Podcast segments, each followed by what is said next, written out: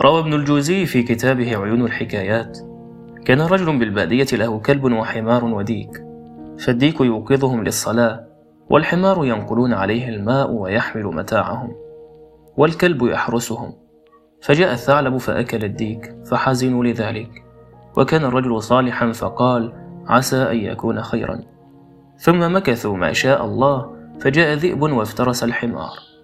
فحزنوا لموت الحمار حزنا شديدا. فقال الرجل الصالح عسى أن يكون خيرا.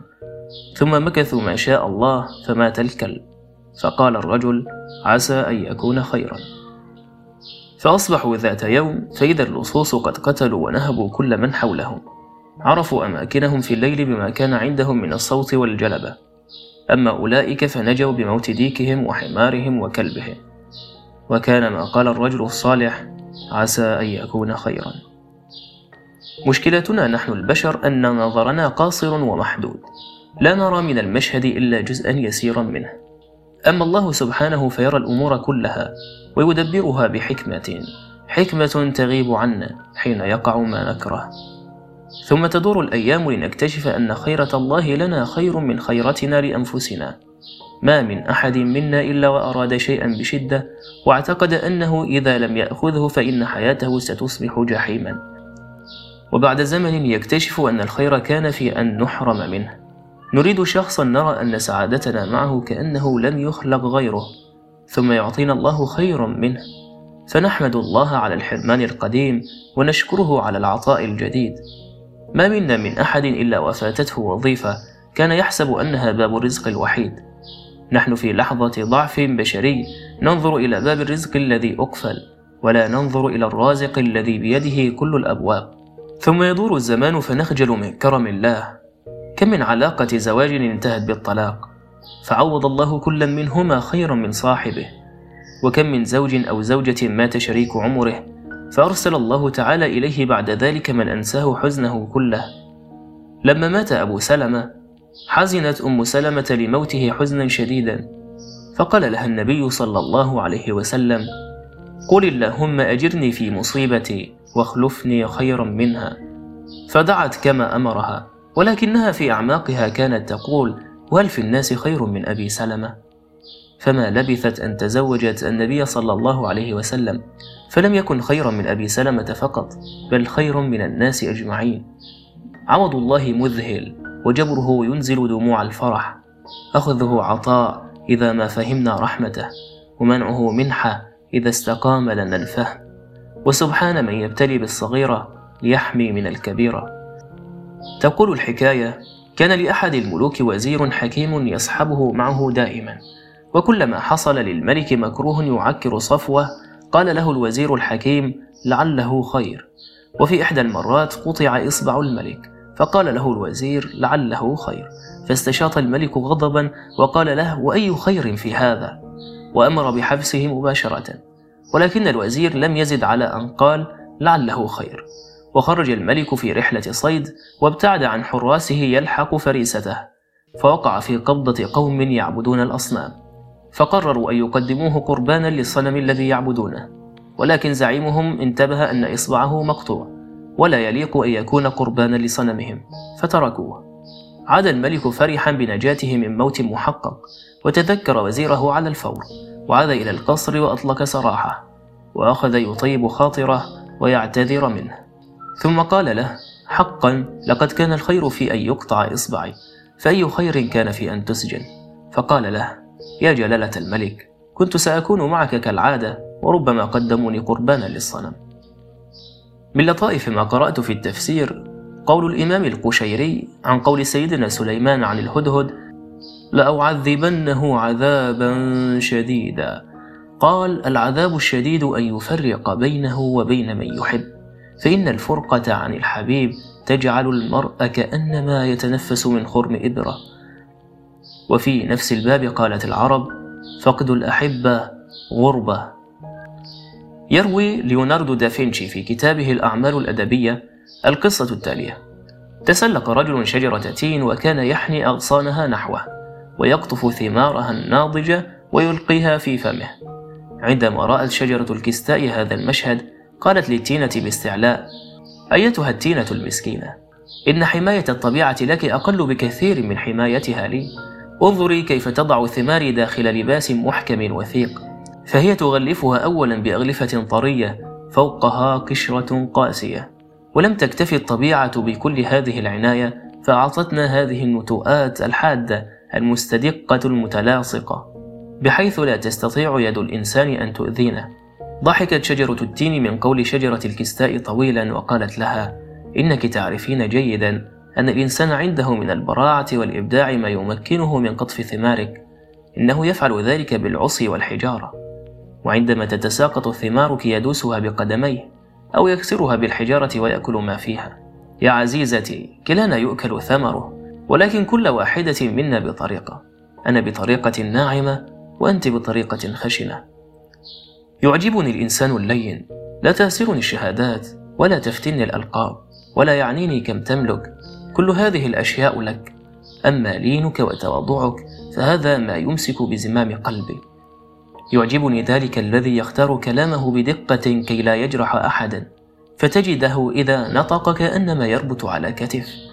وإذا قال كأنما يجبر خاطرا وإذا تحدث فكأنما يخيط جرحا. يعجبني ذلك الذي يلين للبسطاء يبتسم في وجه عامل المحطة ويرق لحمال الأكياس في الاستهلاكيات ويتغاضى عن السعر قليلا لبائع متجول يحسب استغفاله هذا صدقة خفية ويرى انخداعه القليل صفقة رابحة. يعجبني ذلك الذي إذا دخل إلى بيته دخلت معه السعادة والفرحة والطمأنينة. يهدئ من روع زوجة ويطمئن ولدا ويعانق بنتا كالمطر إذا حل استبشر به الناس. يعجبني ذلك الذي يألف ويؤلف يحب الخير للناس ويرى نجاحهم لا ينقص من نجاحه وما لهم ليس مأخوذا منه ويدعو للجميع بالبركة. يعجبني ذلك الذي يرى الدنيا دار عبور وأن خير ما يأخذه معه المرء من زاد هو العمل الصالح وخير ما يتركه خلفه حسن الأثر. فاللهم اجعلنا لينين وأحطنا باللينين. أكثر الأشياء مرارة في هذا العالم ليس الحنظل كما يقول بعضهم وليس العلقم كما يقول البعض الآخر. أكثر الأشياء مرارة هو الخذلان أن تصفع باليد التي كنت تقبلها. وأن تركل بالقدم التي كنت تخشى أن تمسها شوكة. الفتيلة التي ضمتها الشمعة طويلا هي التي أحرقتها. أوجع احتراق هو الذي يأتيك ممن كنت تضمه. يروي الأديب الصيني يوهسيو صن في كتابه الماتع خرافات صينية قديمة. قصة يقول فيها كانت إين جاو يخدم الدوق أي فيلو بإخلاص ولكنه ظل منزعجا من ضآلة منزلته لدى الدوق. فقال يوما للدوق سأرحل بعيدا مثل إيوزة الثلج فسأله الدوق ماذا تعني؟ فقال له هل ترى الديك يا سيدي الدوق؟ إن العرف الذي على رأسه رمز للأناقة والجمال ومخالبه قوية توحي بالقوة وجرأته في مقاتلة أي عدو تدل على الشجاعة وغريزته في دعوة الآخرين إلى الطعام كلما حصل عليه تظهر نزعته لعمل الخير وأخيرا وليس آخرا فإن دقته في إخبارنا بالوقت تعطينا مثالا عن الصدق غير أنه برغم هذه الفضائل الخمس فإن الديوك تذبح يوميا لتملأ الأطباق على مائدتك هل سألتني لماذا؟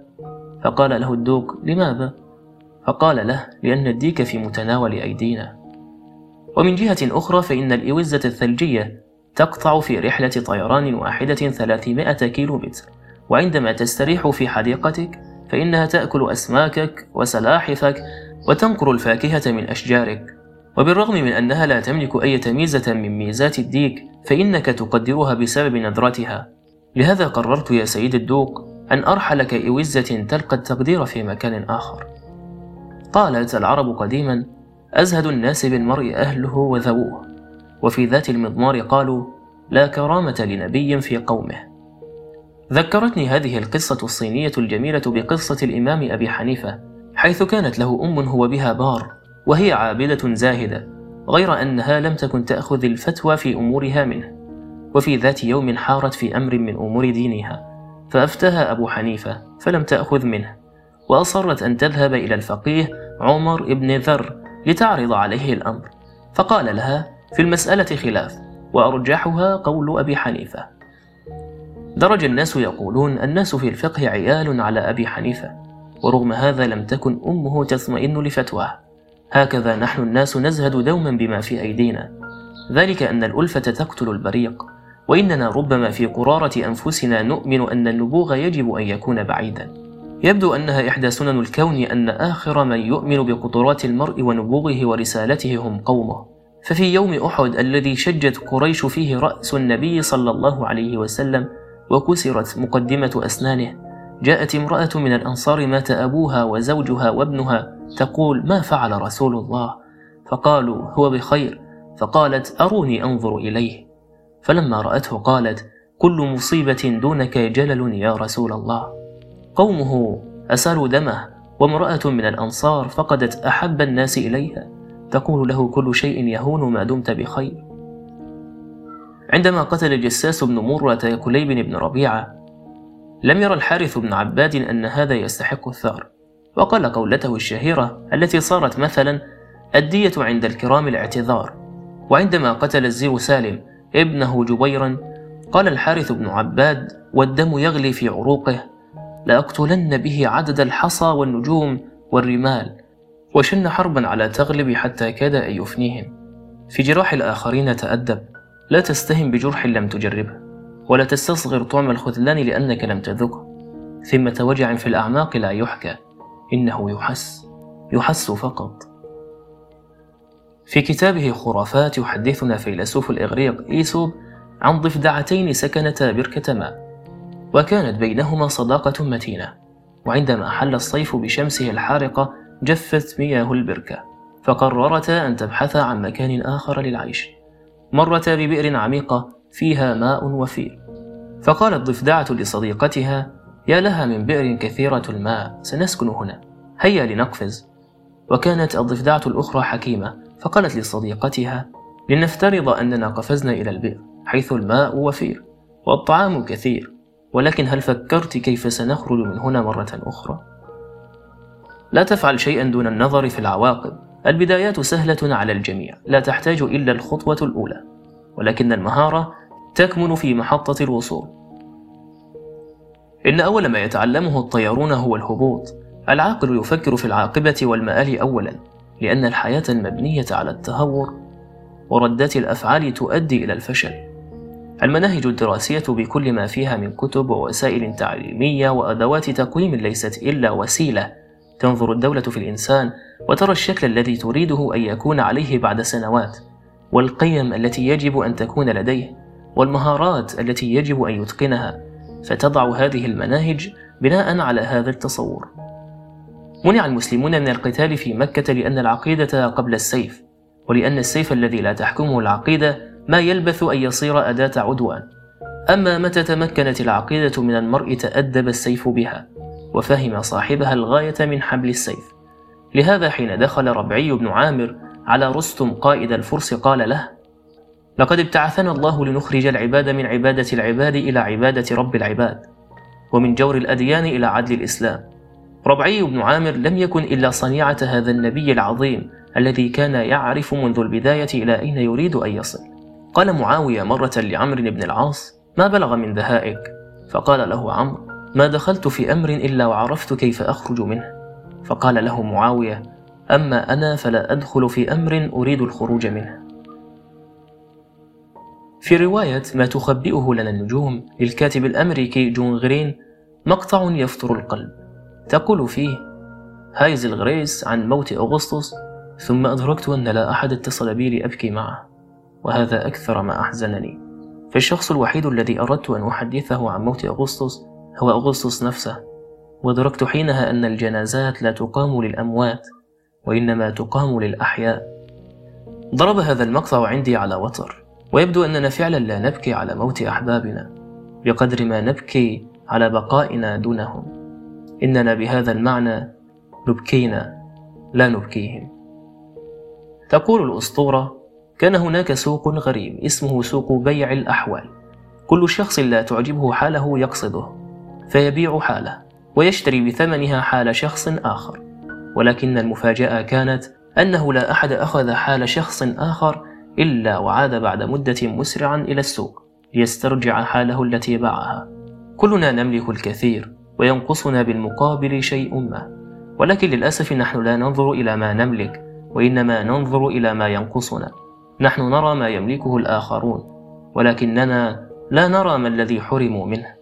سافرت كثيرا والتقيت بأناس أكثر مشاهير وساسة ودعاة وأثرياء وكتاب. ما أطلعني أحد منهم على حياته الخاصة إلا ورأيت فيها حرمانا من ناحية ما. أحد الأمراء قال لي في نهاية حديث ثقافي مطول أتمنى صديقا حقيقيا يصادقني لشخصي أنا وليس لما أنا عليه. تخيلوا بساطة هذه الأمنية. الحرمان لا يكون في المال فقط. كل شيء ينقصنا هو حرمان ولكن الإنسان يعتقد أنه لا حرمان إلا ما ينقصه هو. تلك التي تسافر كثيرا وتغبطينها أنت ربما ليس لديها أولاد. وكم كانت تتمنى أن يزول كل هذا النعيم بطفل صغير يقول لها أمي تلك العجوز التي أغدق عليها أولادها الذي أحسنت تربيتهم وتعليمهم الأموال حتى كانت كل عجائز الحي يحسدونها. كانت كل ليلة تبكي على ابنها الذي دهسته سيارة. وعندما ظن الجميع أن جرحها اندمل بكت بكاء مرا يوم زفاف أحد أصدقائه الذين كان يلعب معه وهو صغير. وقالت لو كان هنا لربما كان اليوم زفافه أيضا. أوافق أن الدنيا مع الفقر قاسية جدا ولكني أعرف ثريا لا يسمح له مرضه إلا بتناول الخضروات المسلوقة فقط. لا شيء يجعل الحرمان مستساغا غير الرضا عن الله وقدره وأن تفهم الدنيا على حقيقتها.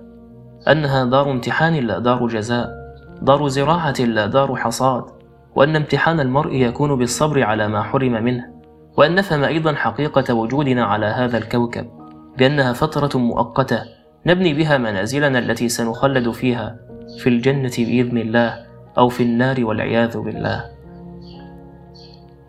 في العام 1942 وأثناء الحرب العالمية الثانية أغرقت غواصة ألمانية سفينة بريطانية مات جميع طاقم السفينة باستثناء بون ليم الذي قضى 133 يوما على خشبة من حطام السفينة حتى وصل على الشاطئ.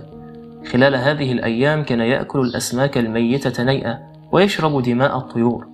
وعندما تم العثور عليه وانتشرت قصته سئل ما الدرس الذي تعلمته من تلك الأيام؟ فقال إذا كان لديك طعام وماء فلا يحق لك أن تتذمر. وهكذا نحن. لكل منا خشبة طافية في المحيط. أي ظروف صعبة. أعتقد أننا يجب أن نعيد حساباتنا قليلا ونصحح نظرتنا إلى حياة. تحديدا تلك الأشياء التي نملكها مهما بدت ضئيلة. يروي ناثان أوسبيل في كتابه مجموعة قصص شعبية القصة التالية. اختلف قط وكلب حول قطعة جبنة كل يرى أنه أحق بها من الآخر. وعندما احتدم بينهما الخلاف قرر أن يذهب إلى الثعلب ليقسمهما بينهما بالعدل. فقال لهما الثعلب جئتما إلى القاضي العادل. وتناول سكينة وقسمها إلى قطعتين. فقال الكلب ولكن قطعة القط أكبر. فقال له الثعلب أنت على حق. وأخذ قطعة القط وقضم منها قضمة. فقال القط الآن صارت قطعة الكلب أكبر. فقال الثعلب أنت على حق أيضا وأخذ قطعة الكلب وقضم منها قضمة. وهكذا ظل يراجعانه فيقضم من الجبن حتى أكله كله أمام ناظريهما. ليس كل شخص أهلا ليدخل حكما في الخلافات. البعض كالخياطين يصلحون الثقب الموجود في الثوب والبعض كآلات الحفر. كل تدخل منهم يزيد من عمق الهوة. ولأنها الحياة تقع الخلافات دوما بين الناس وقد يحتاجون إلى من يقرب بينهم وجهات النظر ويدور الزوايا ولكن اختيار الأشخاص الذين ندخلهم في خلافاتنا يجب أن يكون دقيقا كاختيار الأشخاص الذين ندخلهم إلى حياتنا. وإلا تحول الأمر إلى نشر غسيل وفضائح. وما منه فائدة غير أن الخطوات ستتباعد أكثر مما كانت متباعدة أصلا. الشخص الذي نلجأ إليه لحل مشكلة يجب أن يكون أولا غير مستفيد من بقاء هذه المشكلة. كان أحد الجزارين يطرق بالفأس على عظمة فخذ البقرة ليكسرها فتطايرت منها قطع صغيرة دخلت إحداها في عينه. فقصد طبيب القرية الوحيد الذي عرف المشكلة منذ أول لحظة ولكنه أعطى الجزار قطرة ليستخدمها وأمره أن يراجعه كل يومين. وبالفعل كان الجزار يحضر كل يومين حاملا معه اللحم إلى الطبيب فكان يجدد له العلاج الذي لم يكن علاجا أصلا. وبعد فترة جاء الجزار إلى الطبيب فلم يجده ووجد ابنه الذي يدرس الطب أيضا. فألقى الابن نظرة سريعة في عين الجزار وقال له مشكلتك بسيطة. وقام بانتزاع العظمة من عينه.